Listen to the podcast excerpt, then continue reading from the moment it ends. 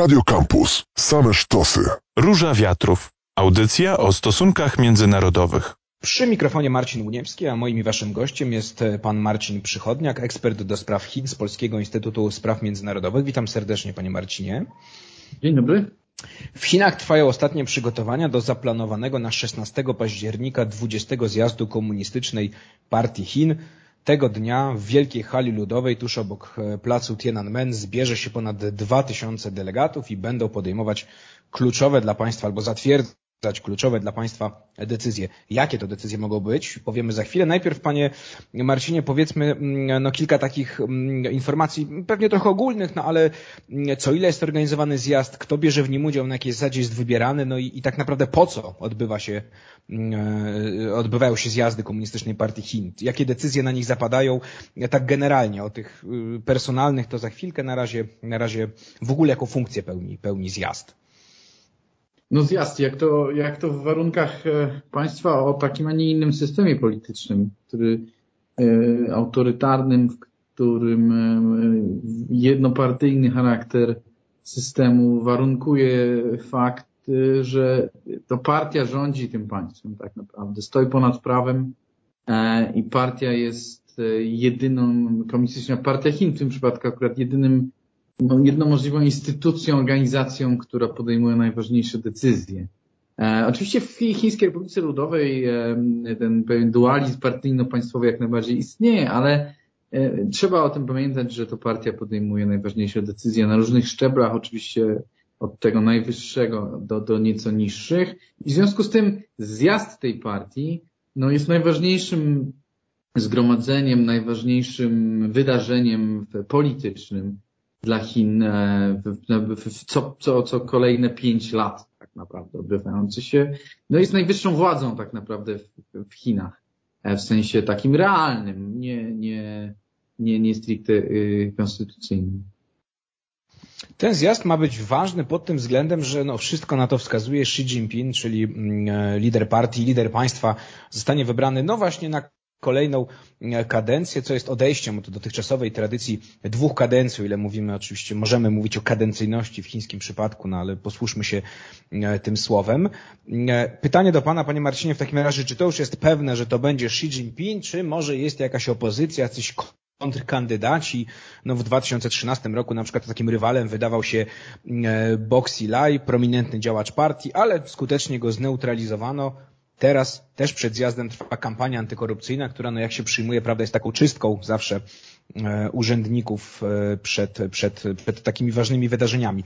Więc kończąc mój wywód, pytanie, Xi Jinping, Pana zdaniem to jest pewna kandydatura, nie ma żadnej opozycji i to faktycznie będzie już trzecia kadencja, na trzecią kadencję zostanie wybrany czy zatwierdzony?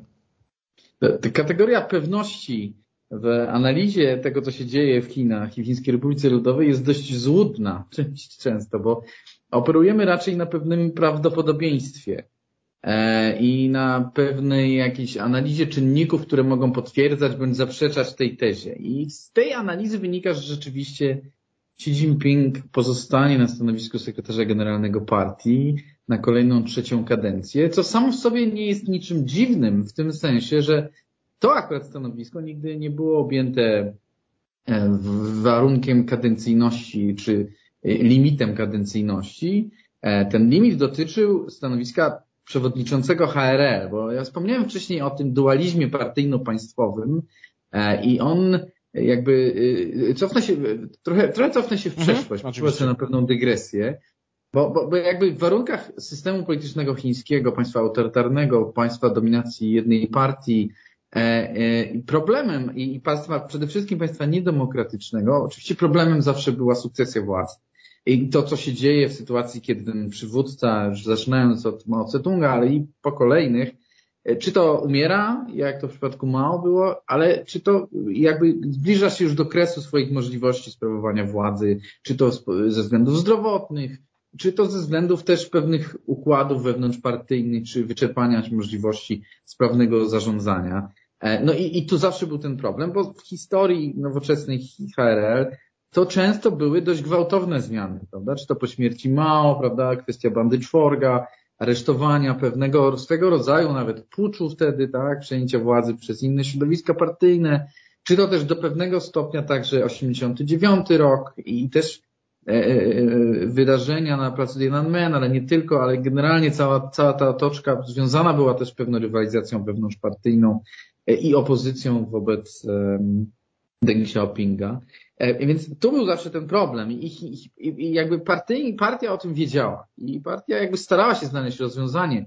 I stąd po Deng Xiaoping jako taki, ale i decydując się już na odejście e, i, i rezygnację już nawet nie tyle z formalnych, co też z nieformalnych wpływów e, i przekazując tę władzę e, w dużym skrócie w ręce Jiang Zemina, jakby ustalono pewne zasady formalne, bardziej nieformalne jednak, bo one nigdy w większości nie były zapisane w żadnym dokumencie, E, w dużym stopniu nie były zapisane, dotyczące właśnie tego, w którym momencie przywódcy chińscy czy ci najwyżsi urzędnicy partyjni mają przechodzić na, nazwijmy to na emeryturę, tak? mają rezygnować ze stanowisk. E, no i to dotyczyło i limitów wieku i dotyczyło też pewnej kadencyjności właśnie stanowiska przewodniczącego HRL, czyli głowy państwa, tak, w tej strukturze państwowej. Dotyczyło też pewnej, pewnego jakby stopnia awansów, prawda, że nie, nie można było przeskoczyć z pewnego pułapu na inny bez jakby na przykład sprawowania funkcji szefa partii w danej prowincji i tak dalej, i tak dalej. To było, jak powiedziałem, dość nieformalne, znaczy zdarzało się sporo wyjątków, ale generalnie ten system i w przypadku zmiany władzy, odejścia Jiang Zemina i przyjścia Hu Jintao, jak i także odejścia Hu Jintao i przejść, przyjścia Xi Jinpinga już w 2013 roku, on do pewnego stopnia działał. Tak? Znaczy to były, ten okres to były rzeczywiście zmiany władzy na najwyższym szczeblu bez jakichś gwałtownych, e, nawet wewnątrzpartyjnych e, wydarzeń, tak? oznaczających pewne przejęcie władzy w sposób e, agresywny, ofensywny, a nie tyle jakby usankcjonowany decyzjami właśnie, czy to zjazdu, w sensie w przypadku partii, czy to chińskiego parlamentu w przypadku stanowisk państwowych. E, I ten, to, co się wydarzy teraz i ten jakby przełomowość tego, co się prawdopodobnie wydarzy, to fakt, iż Xi Jinping zostając na trzecią kadencję jako szef partii, najprawdopodobniej, ale to też jak zwykle nie jest pewne, ale pozostanie także przewodniczącym HRL na trzecią kadencję w marcu przyszłego roku, kiedy to chiński parlament jakby powierzy mu znowu najprawdopodobniej to stanowisko. I to będzie pewne już odejście od tej reguły kadencyjności. Tak? Po raz pierwszy w historii nowoczesnej Chin, tych ostatnich kilkudziesięciu lat, będzie po raz trzeci chiński przywódca byłby wówczas sprawowałby te dwie najważniejsze funkcje w hierarchii partyjno-państwowej, czyli szefa partii plus przewodniczącego HRL, a dodatkowo jeszcze e, to trzecie tej, z tej całej triady, e, czyli szefa Centralnej Komisji Wojskowej, czyli zwierzchnika i, i chińskich sił zbrojnych. I to jest ten element, który, to do którego jest dużo, pewne elementy są pewności w zasadzie, czyli to, że Xi Jinping zostaje, ale nie do końca wiadomo już w jakiej konfiguracji. Tak? Tu, tu raczej zostanie jako szef partii, e, ale czy już w związku z tym w marcu e, zostanie przewodniczącym HRL ponownie, nie, tego, to do tego aż takiej pewności daleko idącej bym już nie miał. Są tutaj różne, różne scenariusze w tym przypadku. No to oczywiście szef partii jest najważniejszą osobą w, w państwie, tak? To, to tutaj w sensie takiej decyzyjności i i tego, kto będzie te podejmował najważniejsze decyzje, to wątpliwości raczej nie ma. No ale, ale jednak przy całej tej e, skomplikowanym charakterze jednak działania Komunistycznej Partii Chin ma to pewne znaczenie, czy co nastąpi również w marcu przyszłego roku, bo musimy na to patrzeć. Decyzje zjazdu są istotne. E, one zresztą, tak jak pan powiedział, e, raczej zjazd raczej, że tak powiem, przyklepuje, zatwierdza niż faktycznie o czymś decyduje. To wszystko jest już raczej przygotowane i przedstawione, ale raczej nie, nie ma tam większej debaty czy wymiany y, Myśli. Ja wrócę, panie Marcinie, jeszcze do tej, do tej opozycji. No właśnie, powiedział pan, że to jest wszystko przyklepywane. czy, czy coś może zagrozić Xi Jinpingowi, czy raczej no właśnie ci potencjalni rywale, czy, czy no tak, którzy mogliby w jakiś tam sposób próbować podkopać jego pozycję, no po prostu zostali wycięci, mówiąc, mówiąc wprost. Myślę, że jakby ostatnie, może nawet nie kilka miesięcy, ale, ale i kilka lat, przynajmniej dwa, myślę sobie, no, no były dość trudne z punktu widzenia takiej pozycji Xi Jinpinga w partii, a ta, ale bardziej pewnej wiarygodności tego, co on wcześniej mówił, jakie decyzje podejmował e, i jaką politykę prowadził, a w odniesieniu do tego, jaka była rzeczywistość chińska, tak? czyli pandemia koronawirusa, czyli skutki polityki zero COVID dla gospodarki chińskiej, dość e, katastrofalne, ale w ogóle bardzo głębokie strukturalne problemy chińskiej gospodarki, które w zasadzie są nierozwiązywalne z powodów politycznych w Chinach, no ale w jakiś sposób partia musi e, znaleźć pewne rozwiązania, przynajmniej doraźne, więc no i, a i także cała skomplikowana sytuacja międzynarodowa od lutego tego roku, czyli od rosyjskiej inwazji na Ukrainę i chińskiego poparcia dla Rosji, ale też pewnej właśnie próby znalezienia jakiegoś złotego środka pomiędzy e, sojuszem z Rosją, a jednak uniknięciem większych negatywnych konsekwencji tego sojuszu ze strony innych podmiotów międzynarodowych, czy to Unii Europejskiej, czy Stanów Zjednoczonych, pewne, pewnego braku y, umiejętności podejmowania dość szybkiej, dynamicznej decyzji, co myślę jest dość charakterystyczne dla takich struktur jak Komunistyczna Partia Chin, czyli pewnych rzeczywiście wieloletnich, biurokratycznych, o tym silnym takim właśnie nacechowaniu y, nadrzędnym, jakby hierarchii, o silnej hierarchizacji, o tym, o, oczywiście e, transmisji z góry na dół, czyli pewnej braku samodzielności na niższych i średnich szczeblach. No tu jest pewien problem z decyzyjnością i to widać teraz. Więc cała sytuacja nie służyła temu, żeby Xi Jinping mógł na forum partyjnym jako takim wystąpić jako e, człowiek, któremu się wszystko udało, I on, ale oczywiście on to zrobi, tak? Znaczy, tu nie możemy się spodziewać, że dojdzie do jakiejś samokrytyki, bo nie powiedziałem tego i nie powiedzieliśmy tego, no ale oczywiście zjazd też zacznie się od przedstawienia przez e, przewodniczącego, przez e, sekretarza generalnego sprawozdania, raportu z tych ostatnich pięciu lat pracy, prawda? I, i też pewnych wniosków na przyszłość i to będzie bardzo ciekawe. Myślę, że będą to raczej wnioski dość ostrożne, jeśli chodzi o chociażby o sytuację wewnętrzną w Chinach, ale po gospodarczą, gospodarczo-społeczną. No, a, ale więc cała ta sytuacja nie służyła temu, żeby Xi Jinping pojawił, jakby miał na tyle mocną i silną pozycję polityczną, żeby móc e, decyzje zjazdu, zwłaszcza te personalne, dyktować. Pamiętajmy zresztą, że ja, ja tu się skłaniam ku, ku wersji, że Xi Jinping jakkolwiek jest oczywiście y, liderem, e, scentralizował władzę, podejmuje najważniejsze decyzje, ale nie funkcjonuje samodzielnie w tej strukturze. Znaczy, to nie jest tak, że on jest jednoosobowym liderem. On jest i to też, to było też widać od momentu, kiedy on został jakby namaszczony na, na to stanowisko i od 2013 roku, kiedy, od kiedy sprawuje przez te ostatnie 10 lat. To była jednak decyzja pewnego, pewna, wewnątrzpartyjna decyzja, kierownictwa, tak? E, byłych liderów, e, też działaczy partyjnych już emerytowanych, ale którzy zachowali pewne wpływy, a przynajmniej możliwość wypowiadania się na tematy chińskie i też pewną wpływ na decyzje. E, no I też właśnie tych najważniejszych urzędników wówczas partyjnych, funkcjonujących, że jakby on dostał pewne zadania do spełnienia, zwłaszcza jeśli chodzi o aparat partyjny, o pewną sytuację, dyscyplinę w partii, mobilizację do działania, też jeśli chodzi o nastawienie Chin na arenie międzynarodowej i jakby i nie wszystkie te działania y, okazały się dotychczas przynajmniej um, sukcesem, e, a przynajmniej bardzo się skomplikowały, na pewno w przeciągu ostatnich kilku miesięcy.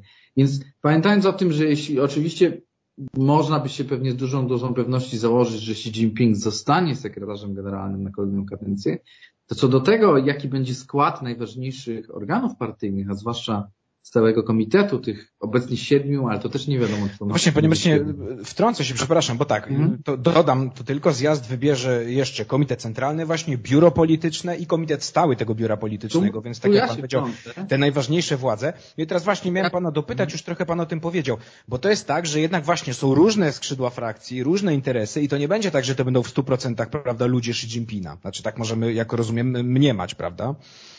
Znaczy tak, tu, tu ja się chciałem wtrącić też mhm. troszeczkę, e, odpowiadając. E, musimy pamiętać o tym, że formalnie zjazd wybierze tylko Komitet Centralny. Potem, tuż zaraz po zjeździe zbiera mhm. się Komitet Centralny na pierwszą sesję, na pierwsze plenum w, w ramach tej sesji i to na tej sesji już okay. zostanie tak, nowy, komitet, jeszcze... mhm. tak, nowy Komitet Centralny dokona wyboru tych y, ciał następnych, czyli biura politycznego i stałego komitetu, e, czyli tych siedmiu wcześniej było dziewięciu, ilu teraz będzie trudno powiedzieć, no bo mhm. właśnie tak jak pan wspominał, no to jest pewna debata jednak. Znaczy, debata w cudzysłowie chyba bym to ujął, bo to jest raczej pewna rywalizacja środowisk, gdzie Xi Jinping ma rolę wiodącą i, i pewne fakty pokazują, że rzeczywiście jakkolwiek wcześniej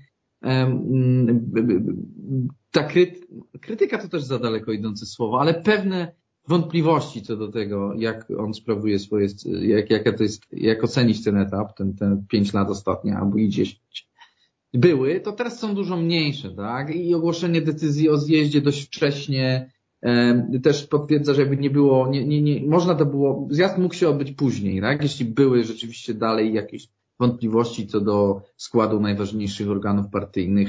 Wyznaczono tę datę rozpoczęcia na 16 października. Dość wcześnie, jeśli popatrzymy na poprzednie y, takie decyzje dotyczące poprzednich zjazdów, więc y, Xi Jinping pojechał w podróż zagraniczną, tak, ostatnio, pierwszą od ponad 800 dni. Y, propagandowo też jest ogromne nasilenie, tak, jeśli spojrzymy na chińskie media partyjne i, i państwowe, to jakby Xi Jinping nie schodzi z nagłówków, nigdy nie schodził, ale jeśli miałoby dojść do jakiejś gruntownej przebudowy czy, czy kompromisu ze strony Xi na rzecz jakichś środowisk, które mają wątpliwości, a takie są, chociaż one są, myślę, przeceniane. Tak jakby, to nie są frakcje osobne, wydaje mi się. To są pewne głosy niezadowolenia, pewne próby podjęcia pewnej debaty na temat, nie wiem, kierunków gospodarczo-społecznych, tak, podejście do gospodarki, ale, ale one są raczej zneutralizowane w tej chwili.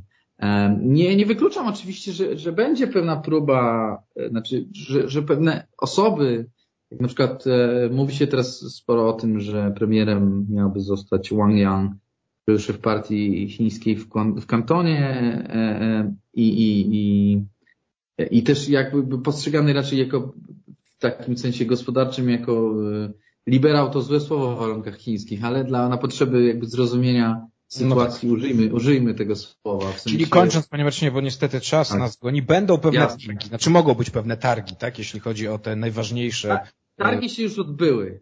Podsumowując, myślę sobie, że będą pewne nominacje pojedyncze, które mhm. wskazywać będą na to, że Xi Jinping wziął pewne, e, nazwijmy to, zarzuty, krytykę pod uwagę, ale suma summarum pozycja Xi, myślę, pozostanie jednak tak samo mocna, jak jest obecnie. Krótko, Panie Marcinie, bo oczywiście nie mamy czasu całej historii Xi Jinpinga mm, porozmawiać o niej, ale czemu on zawdzięcza, proszę powiedzieć, tu swoją pozycję, no jak się w mediach zachodnich często mówi, najsilniejszą od czasów Mao Tse-tonga, powiedział Pan, pełna kontrola nad partią, nad państwem, ale też nad wojskiem, ta komisja wojskowa, mm, nad aparatem propagandy też. Czy on jest tak silny, czy rywale we frakcjach partyjnych są tak słabi?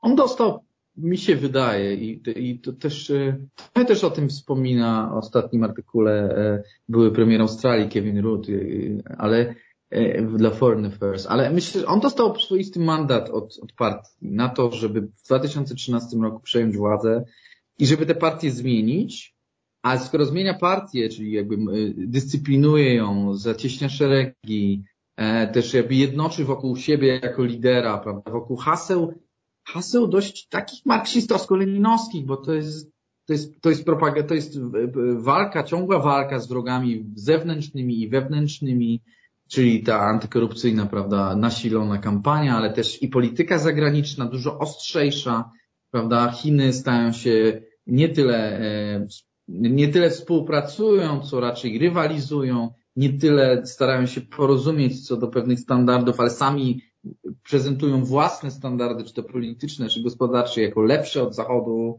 Więc on dostał pewien mandat, który realizował przez te ostatnie 10 lat, tak? I też w sensie gospodarczym, prawda?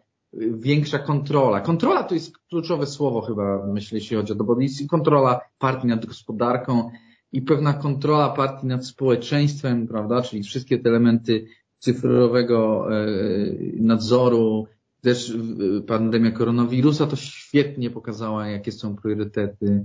Więc e, no i, i on to zrealizował, tak? I do pewnego momentu wydawało się, a na pewno myślę, że Chińczykom i, i jakby samej partii, to dzisiaj wydaje się, że jest to jednak pewien sukces, tak? Znaczy ten, to, co moglibyśmy hasłowo nazwać Chiny odzyskują swoją pozycję, którą kiedyś utraciły i wchodzą na drogę e, dostania się supermocarstwem w tym 2049 roku, prawda, kiedy będzie to stulecie HRL. Mhm.